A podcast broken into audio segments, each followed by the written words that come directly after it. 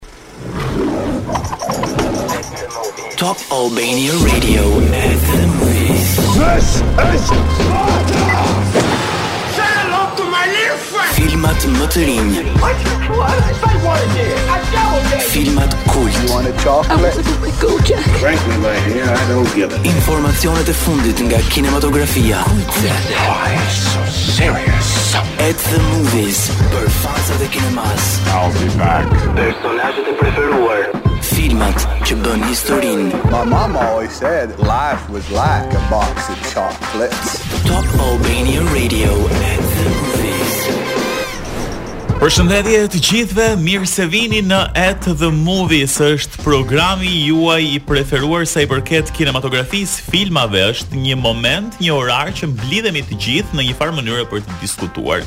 dhe për të sugjeruar filma të rinj, seriale të reja, çfarë ndodh me aktorët dhe gjithçka tjetër me botën e kinematografisë apo jo kolege. Shumë e vërtetë, jeni me mua Dhean dhe me Edin. Dhe si çdo të premte do jemi së bashku për një orë, do flasim për diçka që jam e sigurt të gjithë ne e konsiderojmë hobi.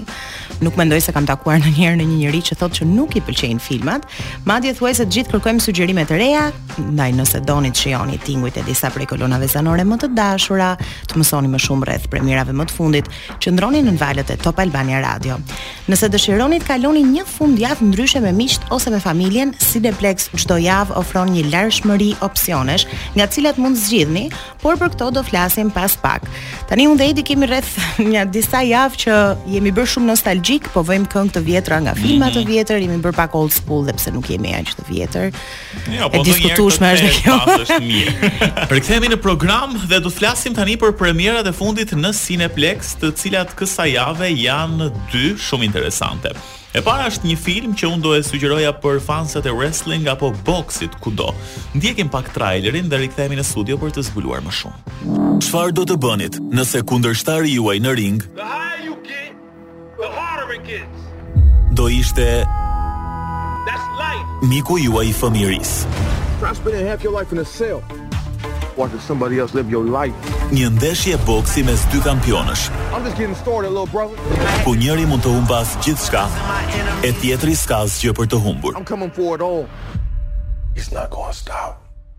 Then you make him.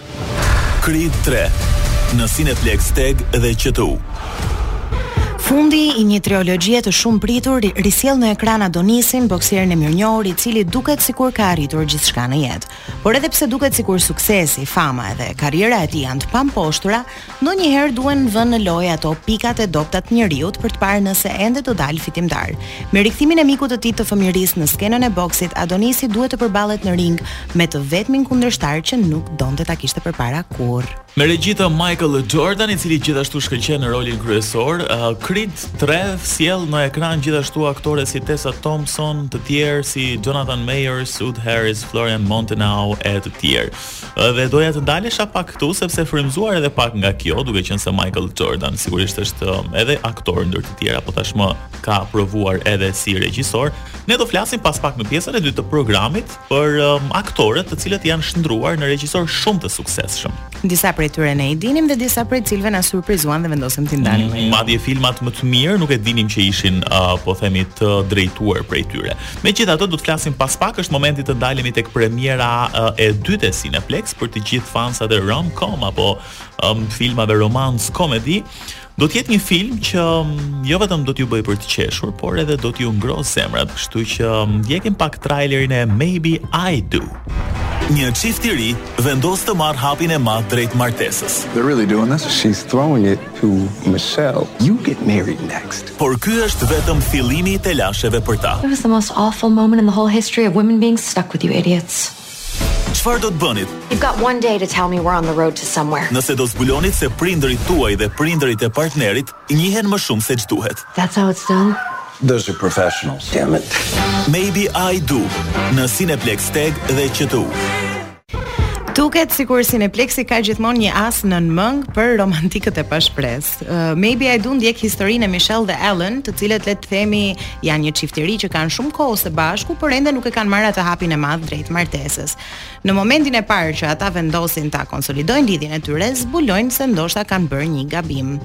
Që të jemi sa më të qartë për të njerëzit që po na dëgjojnë, rezulton se nëna e dhëndrit ka një marrëdhënie me babain e nuses. Okej. Dhe nëna e Shumë e ndërlikuar. Babai i nuses gjithashtu ka një marrëdhënie me nënën e dhëndrit. Nuk e di sa e qartë që isha. Pra, me pak fjalë është një shkëmbim vjehrrish. Një shkëmbim vjehrrish ë, do doja ta quaja një trekëndësh dashurie, po m'u bë gjashtëkëndësh rrugës teksa shikoja plotin, Por maybe I do për të gjithë ju që doni të shikoni një kompleksitet dhe kaos në dashuri, është zgjedhja juaj për ju. Mm, për ju ndoshta që ndodheni edhe edhe në një marrëdhënie kështu të çuditshme dhe që nuk dini çfarë të bëni, do ta ndjeni veten të justifikuar pasi të shikoni maybe I do. Kasti përfshin um, Emma Roberts, Luke Bracey, Diane Keaton, Susan Sarandon, William Macy, edhe pse filmi ka një IMDb prej 4.9, traileri duket mjaft interesant edhe um, është fundjavë, është kohë me shi, pse jo, një film i bukur, um, komedi romantike të shijon gjithmonë edhe të jep uh, pozitivitet.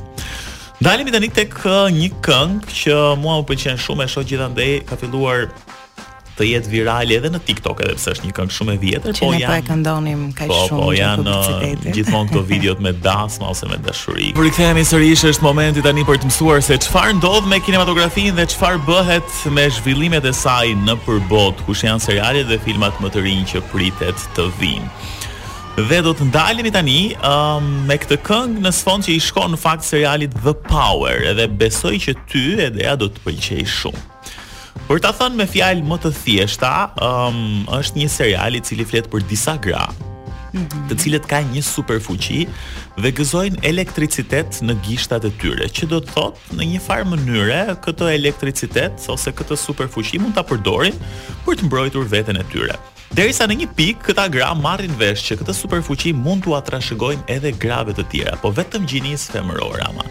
Dhe në këtë mënyrë, Uh, besoj deri në fund të serialit e gjithë gjinia femërore do ta ketë këtë superfuqi edhe sigurisht do ta përdorin për të luftuar për të drejtat e tyre të cilat sot janë kaq të diskutueshme nëpër botë. Edhe fantastiko shkencor, edhe feminist. Edhe feminist. I mean, është është gjithë zemrën e këtë Kështu që DJ XXL kujdes sepse në një të ardhmë të afërt, um, vajzat kanë elektricitet nëpër duar. Patjetër, edhe ruaju. Je neutral. Si ishte një shprehje që dëgjuam uh, nëpër këto zhvillimet e fundit, dikush që tha unë jam maskilist, por, por... pro të drejtë. ishte pak konfuz, ishte pak konfuz. Ishte kishte pak uh, konfuzion në këtë deklaratë. Megjithatë, Do ta zbulojmë deri në fund se është maskilist apo feminist. Mirë, kemi shumë të reja faktikisht nga bota e kinematografisë. Më fal, më fal. Vazhdo që na ke inspiruar me këtë temën. Po, Jepi në Doja të thoja që seriali vetëm publikohet me 31 mars se e lamë kështu si pa datë, kështu që The Power do të presësh edhe disa ditë dhe pastaj vetëm kur të vish me Elektricitet Elektricitetin tim. Një tjetër serial, seriali Succession do përfundojë pas sezonit të katërt dhe kjo konfirmohet nga krijuesi i kësaj serie Jesse Armstrong. Succession është një prej serialeve më të vlerësuara të HBO-s. Armstrong tha se sezoni i katërt, i cili ende nuk ka dalë, do jetë i fundit. Mm. Ndonjëherë jemi shumë të lumtur kur një serial vjen drejt fundit, sepse do zbulojmë ato plot twistet, ato sekretet, gjërat që na kanë mbajtur të lidhur, por në të njëjtën kohë unë gjithmonë përballem me atë pyetjen, Po tani. Çfarë të bëj tani? Edhe këtu pastaj gjendesh në një moment uh, është nuk... një ndarje literalisht. pra duhet ta lidhim me dashurinë patjetër çdo gjë. Ndërkohë, ëm um, për filmin që do të flasim tani është është ajo tema kur ti ia pi lëngun aq shumë herë dhe nuk ke më çfarë nxjerr. Domethënë Lord of the Rings është bërë një herë dhe ishte një mega sukses. Tashmë është edhe serial, u publikua sezoni i parë që unë e pashë. Mhm. Mm dhe është shumë i bukur. Me sa duket do të rikthehen sërish tani filmat me metrazh të gjatë dhe njoftimi vjen 20 vjet pasi u publikua trilogjia e Peter Jackson. Duket se do të jetë një bashkëpunim i Warner Bros dhe New Line për të bërë uh, pikërisht filmat bazuar në um, librat e J.R.R. Tolkien dhe janë të njëjtat kompani që prodhuan, po themi edhe Lord of the Rings të parën në vitin 2001 dhe 2003. Fansat e Lord of the Rings besoj do jenë të çmendur. Po, por edhe unë si fans i The Lord of the Rings i çmendur, jam pak edhe unë na doli shumë ky termi konfuz, po jemi mësuar të shikojmë filmin. Tani mm -hmm. seriali për shembull e ndryshoi komplet personazhet, ngjarjet. Tani duhet të rikthehemi sërish te personazhet e vjetra, një kakofoni që ndoshta nuk është edhe aq e mirë, megjithatë le të presim se çfarë do të ndodh kur të jetë gati filmi. Mm, por gjithashtu një film tjetër do të bëhet serial dhe po flasim pikërisht për It. Mhm. Një film që un fatkeqësisht ndoshta nuk do ta shoh kurrë për shkak të fobisë time për klounët. Edhe un nuk e kam parë kurrë, jo se kam fobi klounët, por nuk e di pse ai film më është dukur tmerrësisht i frikshëm. Është është Pennywise është një kloun i frikshëm. HBO Max do të publikojë një serial rreth krijimit të Pennywise të titulluar Mirë se vini në Derry, bazuar në romanin It nga Stephen King. Seriali i ri aspiron të japë më shumë informacion rreth filmit të parë dhe të dytë të IT të regjisorit Andres Muschietti. Sipas Deadline, Andres Muschietti do të drejtojë disa episode të serialit të ardhshëm të HBO Max dhe Warner Bros. Po, do të jetë kam përshtypjen një sukses sepse IT ishte shumë i suksesshëm, shumë i ndjekur pavarësisht se shumë horror, kështu që seriali besoj do ta marrë më shtruar ngjarjen dhe mund të jetë akoma më i frikshëm. Ndoshta zbulojmë dhe origjinën e po, Pennywise. Ne duhet bëhemi gati të shohim filmat një herë, pastaj të jemi emocionalisht gati për uh, It serialin. Po dëgjoni 9 to 5 nga Dolly Parton. Dolly është një këngëtare e cila është gjithashtu aktore dhe shohim që artistët zakonisht lëvrojnë në më shumë se një zhanër, në më shumë se një fushë dhe kjo gjë na inspiroi që t'ju flasim për aktorët të cilët janë gjithashtu regjizorë. Dhe i pari që ne na shkoi ndërmend është Clint Eastwood. Nëse ka një gjë që mund të themi për Clint Eastwood është që talenti është kryefjala mm -hmm. dhe mhm. një talent i jashtëzakonshëm Si në aktrim ashtu dhe në regji. Ndër filmat e tij më të vlerësuar nga kritika janë Unforgiven, Million Dollar Baby dhe Gran Torino, filma në të cilët luajti dhe si aktor. Në vitin 2021 u publikua dhe filmi i tij i fundit Cry Macho, një aventurë shumë e bukur western, por për mua Million Dollar Baby është një nga filmat më të bukur. Edhe Unforgiven është i bukur, edhe për Clint Eastwood um, do flisja pa fund, edhe është një ndër aktorët e mi të preferuar, por edhe regjisorët e preferuar.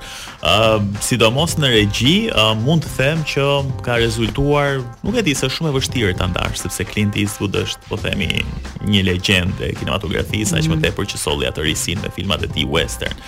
Por gjithsesi të dyja i ka i ka qarë me të vërtetë është jashtëzakonisht i talentuar gjigandi Clint Eastwood.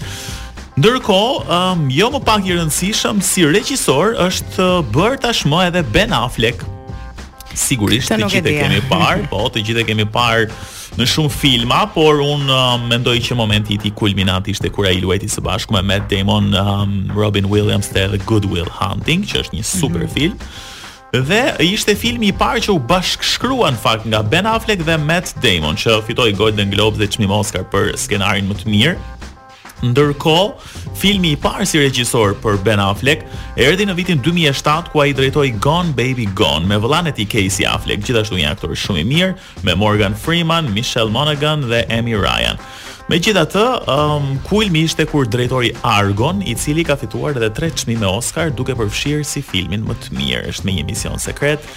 Um, në lindje të mesme, shumë i bukur. Nuk e ke parë Argo? Jo. Duhet ta shikosh, është um, Për të marrë disa informacione po themi, um, dhe për të dalë nga lindja e mesme që ishte shumë e vështirë nga këto vendet në konflikt, Ben Affleck bashkë me disa të tjerë uh, personazhe të ambasadës amerikane hiqen sikur janë uh, pjesëtar të një uh, filmi, të një produksioni dhe kanë ardhur për të xhiruar në mënyrë që të largohen nga lindja e mesme. Po mm. i gjithë misioni është shumë i bukur. Mirë, mendoj që kur flasim për aktorë që janë gjithashtu dhe regjizorë, një nga epitomat e kësaj gjëje, sidomos për gjinin femërore është Angelina Jolie, nuk besoj se ka njeri në botë që nuk e njeh mm. Angelina Jolie, e dashur për publikun për sensacione si Maleficent, Gia, Mr. and Mrs. Smith, Lara Croft, Girl Interrupted, shumë kryevepra të tjera, është një aktore që unë mendoj që është artiste në shpirt për shkak se e përdor atë fuqinë, nuk do thoja atë fuqinë, po benefitet edhe resurset e duhura që asaj i janë dhënë për të bërë një ndryshim dhe pikërisht prandaj ajo i është kthyer regjisë dhe më së fundmi ka bërë filma që janë filma lufte, por janë plot pesë filma me regji të Angelina Jolie, First They Killed My Father, Unbroken, By the Sea, In the Land of Blood and Honey dhe A Place in Time. Dhe Unbroken do e cilësoja si më të mirë, unë mua më pëlqen shumë. Mm -hmm. Edhe By the Sea më pëlqen, ku luan bashkë me bashkëshortin e saj ish bashkëshortin e saj, Brad Pitt. Ne gjithmonë i shohim që mas Mr. and Mrs. Smith, mendoj që ne i asocionojmë njërin me tjetrin në mënyrë të pashmangshme. Por gjithashtu do thoja First They Killed My Father ishte një tjetër film që nuk duhet humbur. Edhe ky është i bukur, edhe ky është i bukur.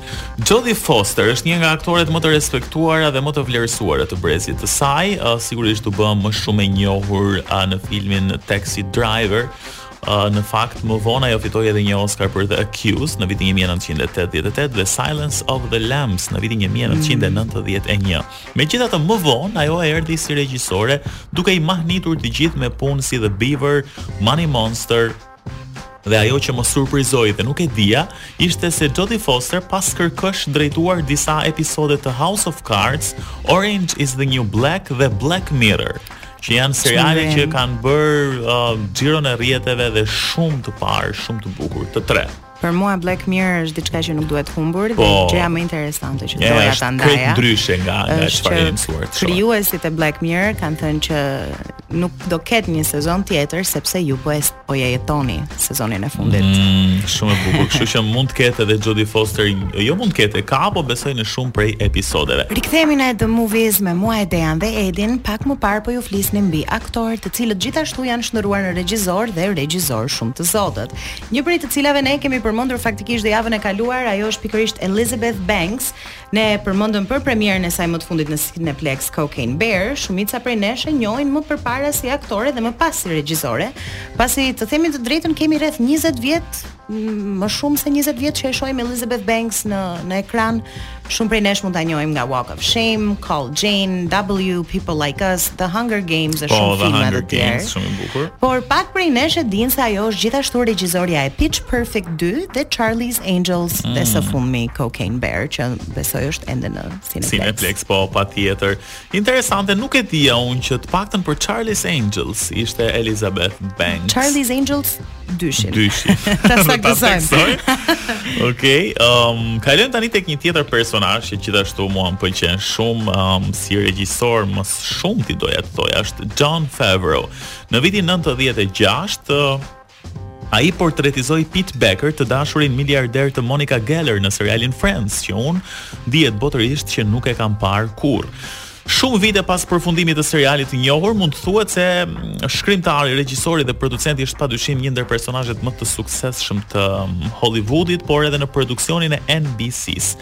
Ka bërë regjinë e filmave Iron Man, Um, gjithashtu producent ekzekutiv i Avengers ka luajtur edhe Happy Hogan tek um, Spider-Man. Ndërkohë, um, hiti i tij i ardhshëm global ishte The Mandalorian, i cili okay. u publikua vetëm para pak uh, kohësh, një serial i vendosur në universin e Star Wars me Pedro Pascal si aktorin kryesor. Të sugjeroj ta shikosh, është një super serial, ka dy sezone dhe këtë vit në mos gaboj do të vijë sezoni i tretë. Megjithatë, të lidhur me këtë serial janë po themi edhe dy seri të, të tjera që kanë dalë um, lindur nga një personazh, është veçuar më pas dhe për një personazh është krijuar edhe një serial tjetër, po themi, kështu që ka disa degëzime. Të këtij lloji se shikon të gjitha ato pjesët e puzzle-it. Po, e vërtet, është është është një puzzle që fillon e zbërthehet, se i kanë kushtuar nga një serial, kështu short series, pra të shkurtër, mm -hmm. për personazhet kryesore. Mirë, nuk mund të linim pa përmendur edhe Bradley Cooper, 2018-a shënoi vitin ku Bradley Cooper na befasoi të gjithëve me sensacionin A Star is Born. Bradley shumë prej nesh e kanë dashuruar për aktrimin e tij versatil në filma si The Hunger Games, Silver Linings Playbook, Limitless ose American Hustle. Mendoj se është një aktor i cili është një observues shumë i mirë, do thoja, dhe arrin të mësojë nga regjisorët që ka parë, të thithë atë esencën e të gjithave, Por normalisht që do mësosh diçka kur ti ke punuar me David O. Russell edhe Clint Eastwood. Mm, edhe Bradley duket se është një person që nxë shumë shpejt sepse habiti shumë edhe në muzikë, për shembull ku ishte Star is Born me Lady Gagan që bëri një këngë dhe kishte një zë fantastik. I gjithanshëm. I gjithanshëm, i gjithanshëm. Ne kemi mbërritur pak nga pak në fund, kemi edhe një quiz për të thënë dhe për të shpallur një fitues. Ne zakonisht hedhim një video të shkëputur nga një film ku ju nuk mund ta dëgjoni audion, por duhet të gjeni fjalinë që është thënë dhe kësaj radhe kemi përzgjedhur një film shqiptar. Okej. Okay. Dhe shprehja e gjetur është amat shqenke një tullumbace ti që s'e paske shoqe. Mm, shprehja që e kemi mësuar të gjithë përmendësh. Është vërtet. Dhe fituesja e kuicit është Blerina Gjyli që mund të vijë tek Arena dhe të tërheqë biletat e saj për të parë një nga premierat e fundit okay. në Cineplex. Ndërkohë kuici i ri sapo është publikuar në faqen e radios në Instagram. Shkoni në Instagram dhe po e gjetët, fitoni dy bileta dhe keni dy premiera shumë të bukura për të parë kësaj jave në Cineplex. Super, ne kemi mbërritur në fund. Faleminderit që qëndruat me ne. Kalofshi një fundjavë sa më të këndshme dhe meqenëse po flisnim për Bradley Cooper, po. duam t'ju përshëndesim me një këngë që e dini të gjithë. Mm. Sot ju thamë ishim pak nostalgjikë. Po po po po. po. Kështu që po ju qerasim me Shallow by Lady Gaga and Bradley Cooper.